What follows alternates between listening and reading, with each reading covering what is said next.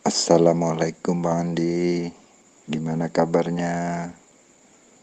Semoga Bang Andi sekeluarga Juga pengamal zikir nafas selalu dalam kesehatan dan kasih sayang Allah. Amin ya Allah. Gini Bang Andi, Munzir mau tanya Bagaimana hukumnya bersalaman dengan yang bukan muhrim kita itu aja Bandi. Terima kasih Bandi. Waalaikumsalam warahmatullahi wabarakatuh. Alhamdulillah Bang Munzir kabar baik. Terima kasih juga doa-doanya. Amin ya Allah. Ya semoga kita semua selalu dalam kasih sayang Allah ya. Bagi saudaraku, sahabatku yang selalu menyimak di channel ini, semoga kebaikan selalu menyertai kita. Amin ya Allah. Ini dari pertanyaannya sebenarnya ya semua kita udah tahu. Pak Munzir juga sudah tahu. Ya. Tapi kenapa masih bertanya? Ya mungkin hanya ingin ingin tahu aja komen Bang Andi bagaimana ya kan. Padahal udah tahu dia nanya ulang lagi. Banyak ulama mengatakan bersalaman itu haram ya. Bersalaman dengan lawan jenis yang bukan mahram kita. Tetapi di sini kita harus pahami, harus pelajari apa penyebab itu diharamkan. Ya. Sebenarnya kalau kita pakai akal sehat, pakai logika, bersalaman itu enggak haram. Yang haram itu menyentuh kulit itu yang haram. Ya. Kalau teman-teman pakai sarung tangan dengan lawan jenis bersalaman, silakan kalau pakai sarung tangan. Gak haram, insya Allah gak haram. Menyentuh kulit yang haram. Mengapa hadis Rasulullah berkata, apabila dibandingkan antara bersalaman dengan kepala kita ditusuk oleh besi, lebih baik kepala kita ditusuk pakai besi. Itu lebih baik daripada bersalaman. Ya. Ya mungkin karena zaman Rasulullah dahulu belum ada sarung tangan. Iya kan? Pasti kalau orang bersalaman pasti nyentuh kulit. Nah, makanya dibilang bersalaman itu menjadi haram. Ya. Jadi kita pakai lagi logika pakai lagi sebab akibat. Pakai lagi apa kita cerna lagi dampaknya. Ketika kita bersalaman apa dampaknya? Ya itu ditakutkan. Ya memang nggak semua berdampak seperti yang kita takutkan ini. Ditakutkan ketika menyentuhlah kulit itu. Bagi seorang laki-laki yang sahwatnya ini luar biasa tinggi sahwatnya atau pikirannya juga kotor ya. Itu akan mengundang syahwat ya kan? Menjadi naik birahinya bisa dengan bersentuhan. Mungkin teman-teman sering ketika kita bersalaman dengan lawan jenis itu ada desi, desiran ya kalau kita bilang ya. Ser gitu ya kan? Ada desiran itu.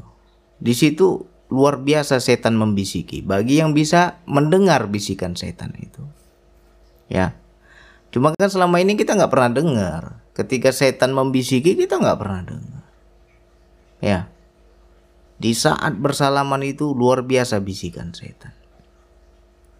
Luar biasa halusnya kulitnya. Nah, di situ hati kita, pikiran kita sudah istilah traveling ke mana-mana itu. Berkelana ke mana-mana.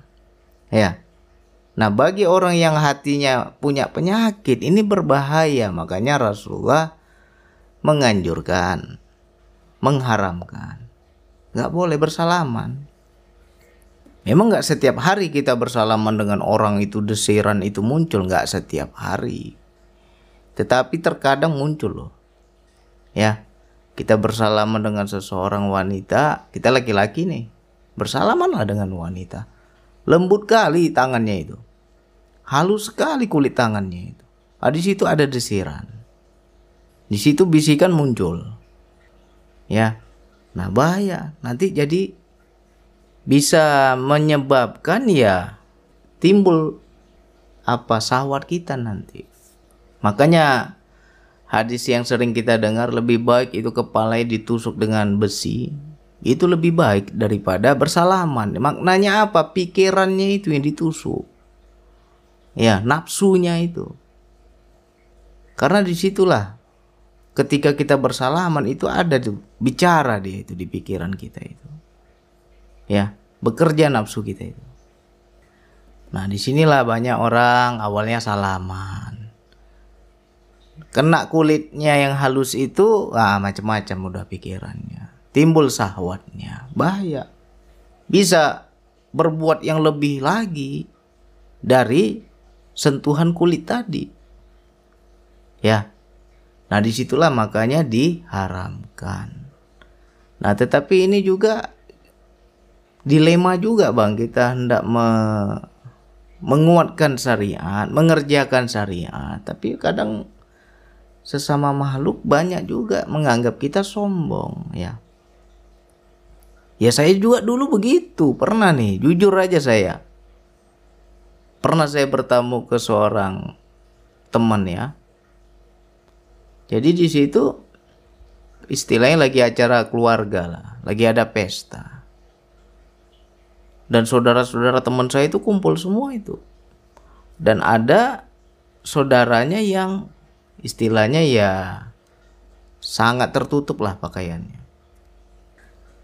sangat tertutup pakaiannya begitu hendak pamit saya apa mengulurkan tangan hendak bersalaman ya tetapi dia menolak dia hanya apa mengajukan tangannya di dada seperti orang Sunda bersalaman itu ya kan. Di situ saya ada timbul rasa malu. Ya. Malu saya, aduh tangan saya saya udah ulurkan, rupanya nggak disambut. Malah dia tidak mau bersalaman. Awal-awal juga saya menganggap ini sombong. Ya. Karena saya nggak ada ilmu dulu. Pernah saya suuzon begitu mentang-mentang sudah sari, mentang-mentang sudah istilahnya luar biasa lah agamanya ya kan bersalaman kok nggak disambut begitu ya kan? Kecil hati saya ya. Malu saya. Sudah kita ulurkan tangan rupanya nggak disambut. Malah dia nggak mau bersalaman. Nah di situ ada dampak loh. Orang itu nggak salah sebenarnya karena dia sudah ada ilmu. Nah, saya yang belum ada ilmu menganggap dia sombong. Ya. Nah, jadi untuk saudaraku, sahabatku, bagi siapa pun yang sudah dapat ilmunya ya harus lebih bijaksana. Ya. Bagaimana bang caranya saya menolak bang kalau saya nggak mau salaman? Ya bilang kita duluan yang memberi kode. Kita duluan yang menyilangkan tangan di dada kita itu seperti orang Sunda bersalaman itu. Jadi orang itu tidak tidak kecewa ketika dia sudah duluan men, mengulurkan tangan tapi kita nggak sambut. Ya di sini juga larinya ke akhlak ya. Nah, itu bagi kita yang sudah dapat ilmu. Nah bagi orang yang nggak dapat belum ada ilmu misalnya ya Ih sombong kali dia. Sok suci dia. Apa kotor sekali tangan saya ketika saya ulurkan tangan dia nggak mau menyambutnya. Ya kan? Di situ ada timbul rasa rasa apa ya? Ya rasa malu. Ketika kita sudah mengulurkan tangan, orang tersebut tidak mau membalas salaman kita, kita malu kan? Nah, di situ juga timbul bisikan-bisikan, ada rasa menganggap bahwa orang tersebut sombong. Nah orang yang mengalami hal seperti itu menurut saya nggak dosa karena dia belum ada ilmu. Ya. Nah ini sekarang kalau sudah nonton video ini sudah ada ilmu dan hukum itu berlaku. Ya. Jadi bagaimana bang? Bagi orang yang selama ini sering bersalaman. Kalau dia belum dapat ilmunya saya rasa nggak nggak dosa. Ya, nggak dosa. Nah, kecuali kita sudah dapat ilmu tapi kita nggak terapkan itu yang berdosa. Ya kan? Udah tahu kita hukumnya. Lalu kita tidak mau amalkan dalam kehidupan itu berdosa. Tapi kalau selama ini kita belum tahu, aku nggak tahu bang. Aku anggap biasa aja salaman itu. Ya menurut saya nggak dosa. Karena Allah bilang ya aku lihat hatimu, tergantung hati kita. Ya. Nah pertama kita nggak ada ilmunya nih. Lalu kita bersalaman dengan lawan jenis, ya. Timbul di hati kita pikiran macam-macam. Ah itu udah dosa. Kalau di hati itu sudah sering seperti itu. Ya. Jadi makna haram kah halal kah ya semua itu sebab akibat. Kenapa diharamkan? Akibatnya apa? Ya itu aja. Kita pelajari. Ya. Sama halnya seperti mungkin teman-teman pernah naik boot kecil atau naik kapal kecil lah. Begitu kita sampai pelabuhan, ABK kapalnya menyambut di pintu. Kita hendak naik ke pelabuhan. Satu persatu dia pegangin itu orang yang hendak turun.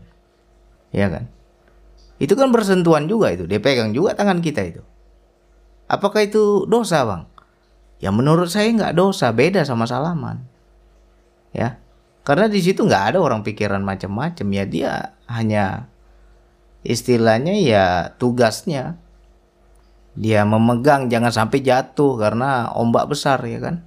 Kalau yang sering naik boat itu akan paham. Kita begitu dari boat kecil mau naik ke pelabuhan itu kan dipegangin kita. Nah, menurut saya itu nggak dosa.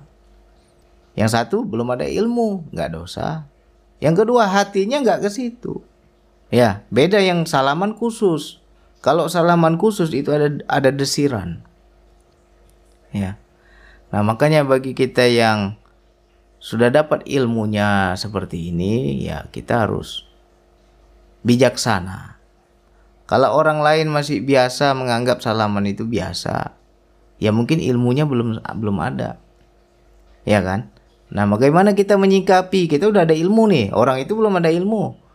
Nanti saya tolak bersalaman, dia tersinggung. Dia menganggap saya sombong, kan serba salah kita. Ya, pandai-pandai kita. Ya. Jadi letak sombong nggak sombong itu tergantung hati juga loh. Dari hati semua itu. Ya.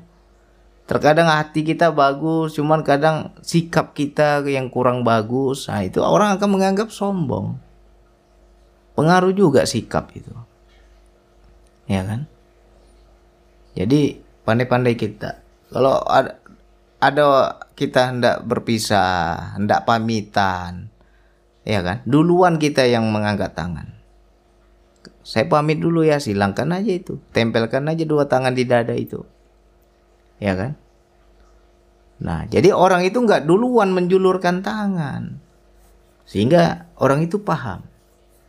Sama halnya seperti kemarin baru Lebaran kita, banyak kita ketemu tamu, macam-macam tamu ya kan? Nah, begitu tamu itu hendak pulang, ya duluan aja kita yang istilahnya memberikan kode bahwa kita hendak berpamitan bahwa kita hendak ma tidak mau bersalaman. Kita hanya cara salaman kita seperti orang Sunda itu. Ya. Nah jadi dari sinilah kita harus pahami. Terkadang syariat Allah ini kita terlalu gampang-gampangkan. Akhirnya apa? Allah paksa. Nah, di sini kita harus bisa membaca kehidupannya. Allah paksa kita bersyariat tapi caranya terpaksa Contohnya apa? Dikasihlah COVID Corona ini ya kan. COVID-19, Corona, akhirnya apa? Jaga jarak. Itu semuanya ada hakikatnya itu sebenarnya. Ya. Jaga jarak, jangan kita suka berdekat-dekatan. Ya, kalau dulu dempet-dempet kita. Ya. Sama lawan jenis sering kita dekat-dekatan ya. Akhirnya sekarang apa? Udah terlalu banyak maksiat Allah buat syariat. tegakkan lagi syariat tapi caranya terpaksa sekarang kita jaga jarak apalagi dulu kita itu sering berbuat kesalahan dengan tangan kita ah sekarang ini sering-sering cuci tangan Iya kan sering-sering cuci tangan apa makna sering-sering cuci tangan itu? Bukan menghilangkan kuman. Ya secara secara zohir ya menghilangkan kuman, tapi secara batin, secara hakikatnya ya bersih-bersihlah dengan perbuatanmu. Apa yang kau lakukan dengan tanganmu itu ya banyak-banyaklah berbuat baik. Jangan lagi berbuat buruk. Situ maknanya. Ya, dahulu kita biasa aja bersalaman. Nah sekarang jaga jarak nggak bisa salaman justru sekarang lebih enak ini menolak salaman sama yang lawan jenis lebih enak. Kita bilang aja corona. Maaf ya nggak bisa salaman. Nah, orang juga udah paham nggak mungkin dibilang sombong kita. Ya akhirnya kita nggak boleh bersalaman sekarang. Nah itu Allah menegakkan syariat tapi dipaksa. Ya Apalagi tutup masker, pakai masker sekarang. Ke mana-mana pakai masker. Kenapa harus pakai masker? Ya jaga ucapan. Hakikatnya begitu. Jangan lagi suka cerita yang buruk-buruk, jangan suka gunjing orang. Jangan suka kita itu berkata dusta segala macam. Ya. Itulah cara Allah menegakkan syariat tapi dipaksa gitu. Nah, jadi kalau mengenai hukum sih ya banyaklah para ulama sudah menjelaskan ya. Banyak para ustadz-ustadz kita sudah menjelaskan teman-teman juga udah paham ya. Nah kalau saya dari segi sebab akibat aja kalau dibilang haram ya logika masuk logika saya itu. Karena apa? Saya pernah rasakan ya. Bersalaman dengan lawan jenis oh itu rasanya nyetrum itu. Apakah di hati saya ada penyakit? Enggak ada, tapi setan datang. Ya, setan datang. Bisikin. Nah, makanya kalau kita sudah wilayah ini ya ngeri berantem kita dalam diri, dikeroyok kita, macam-macam bisikannya. Lihat tuh tangannya aja lembut begitu, apalagi yang lain. Nah, tuh bisikannya seperti itu tuh. Ya, lihat tuh di tangannya aja lembut nih, apalagi yang lain. Nah, di situlah baru saya paham ya belajar pelan-pelan dulu juga saya nggak ngerti biasa aja salaman itu saya anggap biasa aja. Ya. Nah jadi semua kembali kepada hati juga. Tapi kita juga hati baik kayak mana pun setan juga nggak diam. Ya. Jadi kita harus hati-hati lebih baik mencegah.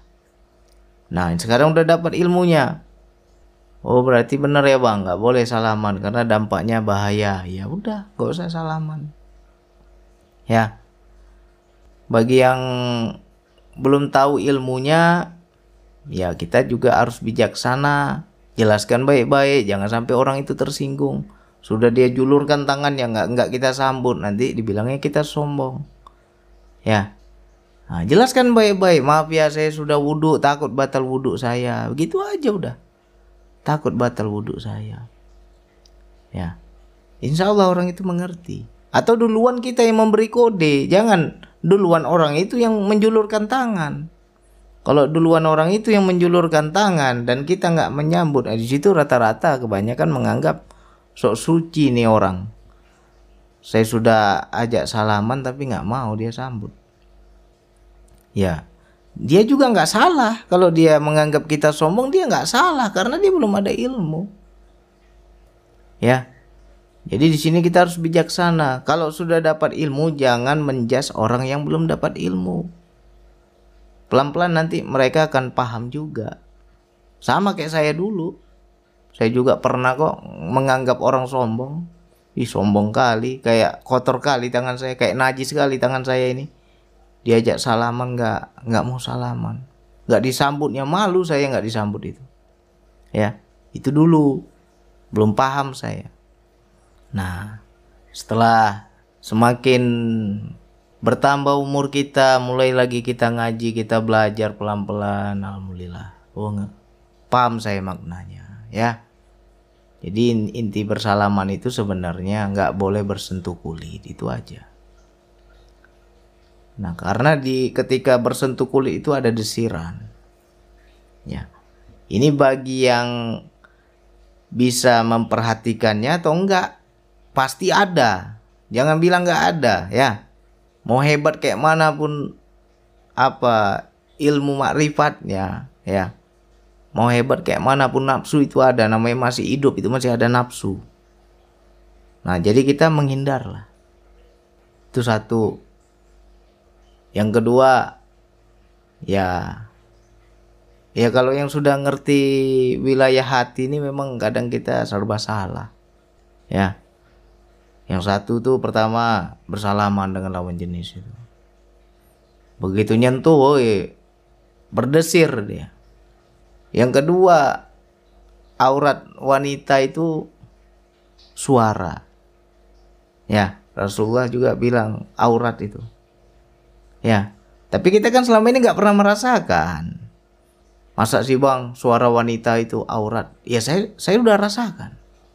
Berapa banyak itu di YouTube itu jemaah wanita itu nanya setiap hari apa kirim audio sama saya di situ makanya jangan marah kalau saya nggak jawab ya. Perbaiki suaramu, perbaiki nada bicaramu ya. Terkadang ada yang mental nggak menentu ya. Kesannya itu merayu, padahal dia nggak merayu, mungkin memang udah karakter gaya bicaranya seperti itu. Tapi di kuping saya yang mendengar suaranya itu ya saya dikeroyok setan. Makanya kalau yang suaranya indah-indah, suaranya lembut-lembut ah itu saya nggak mau jawab.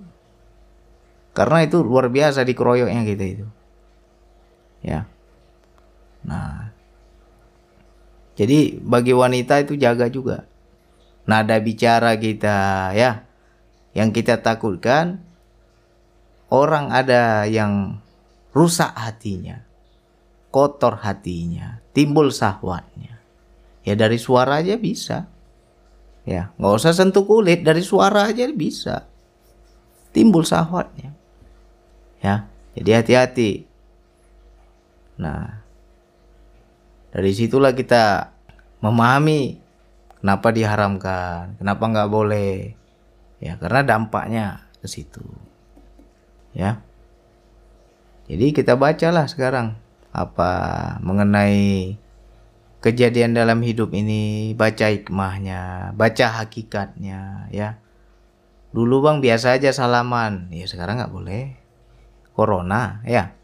Apalagi dulu kita selalu dempet-dempet, dekat-dekatan, nah sekarang jaga jarak, ya. Itu sebenarnya Allah meninggikan lagi tuh syariat, ditegakkan lagi tuh syariat. Ya. Sekarang pakai masker, tutup, yaitu jaga omonganmu, jaga ucapanmu. Ke situ semua itu. Ya. Jadi mudah-mudahan ini bisa dipahami bagi yang belum ada ilmunya masih bersalaman dianggap itu biasa aja abang saya salaman sama lawan jenis biasa aja bang nggak timbul sawat saya insya Allah itu Allah ampunkan dosa kita insya Allah ya Nah, tapi bagi yang sudah ada ilmu, hati-hati. Kalau nggak diterapkan besok, hati-hati. Berdosa kita, ilmunya sudah ada. Ya, berdosa kalau udah ada ilmu kita nggak jalankan. Nah, bagi yang belum ada ilmu, ya insya Allah, menurut saya nggak dosa itu. Ya. Nah, itulah maknanya kenapa lebih baik itu besimu ditusuk dengan apa kepalamu ditusuk besi daripada kamu bersalaman. Itulah maknanya. Pikiran itu otak kotor kita itu yang ditusuk itu. Ya sawat kita itu yang ditusuk. Itu maknanya itu. Karena menimbulkan sawat. Ya. Mungkin kita nyentuh nyentuh dengan kondisi yang lain mungkin nggak sawat kita tapi di salaman itu beda. Beda itu. Ya Beda kalau kita udah salaman khusus itu beda. Makanya hindari. Sekarang udah dapat ilmunya, jangan lagi. Ya. Bijak-bijak kita, pandai-pandai kita ketika ada yang hendak bersalaman dan kita hendak menolaknya ya pandai-pandai. Ya. Pandai-pandai jangan sampai orang tersinggung. Jangan sampai orang sakit hati ya.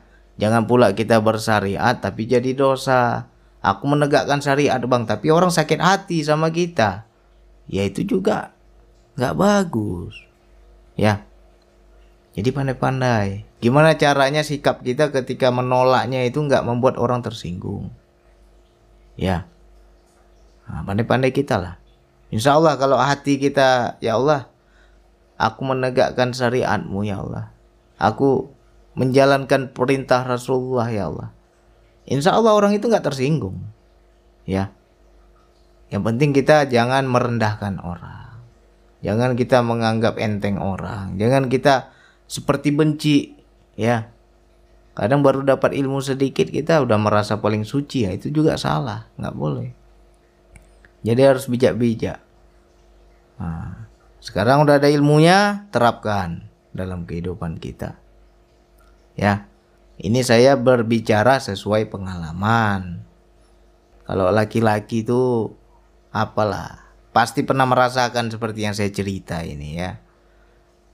Berdesir itu, ada itu getarannya itu. Jadi di situlah bisikan masuk, berbahaya. Oke, hanya itu yang bisa saya sampaikan. Wassalamualaikum warahmatullahi wabarakatuh.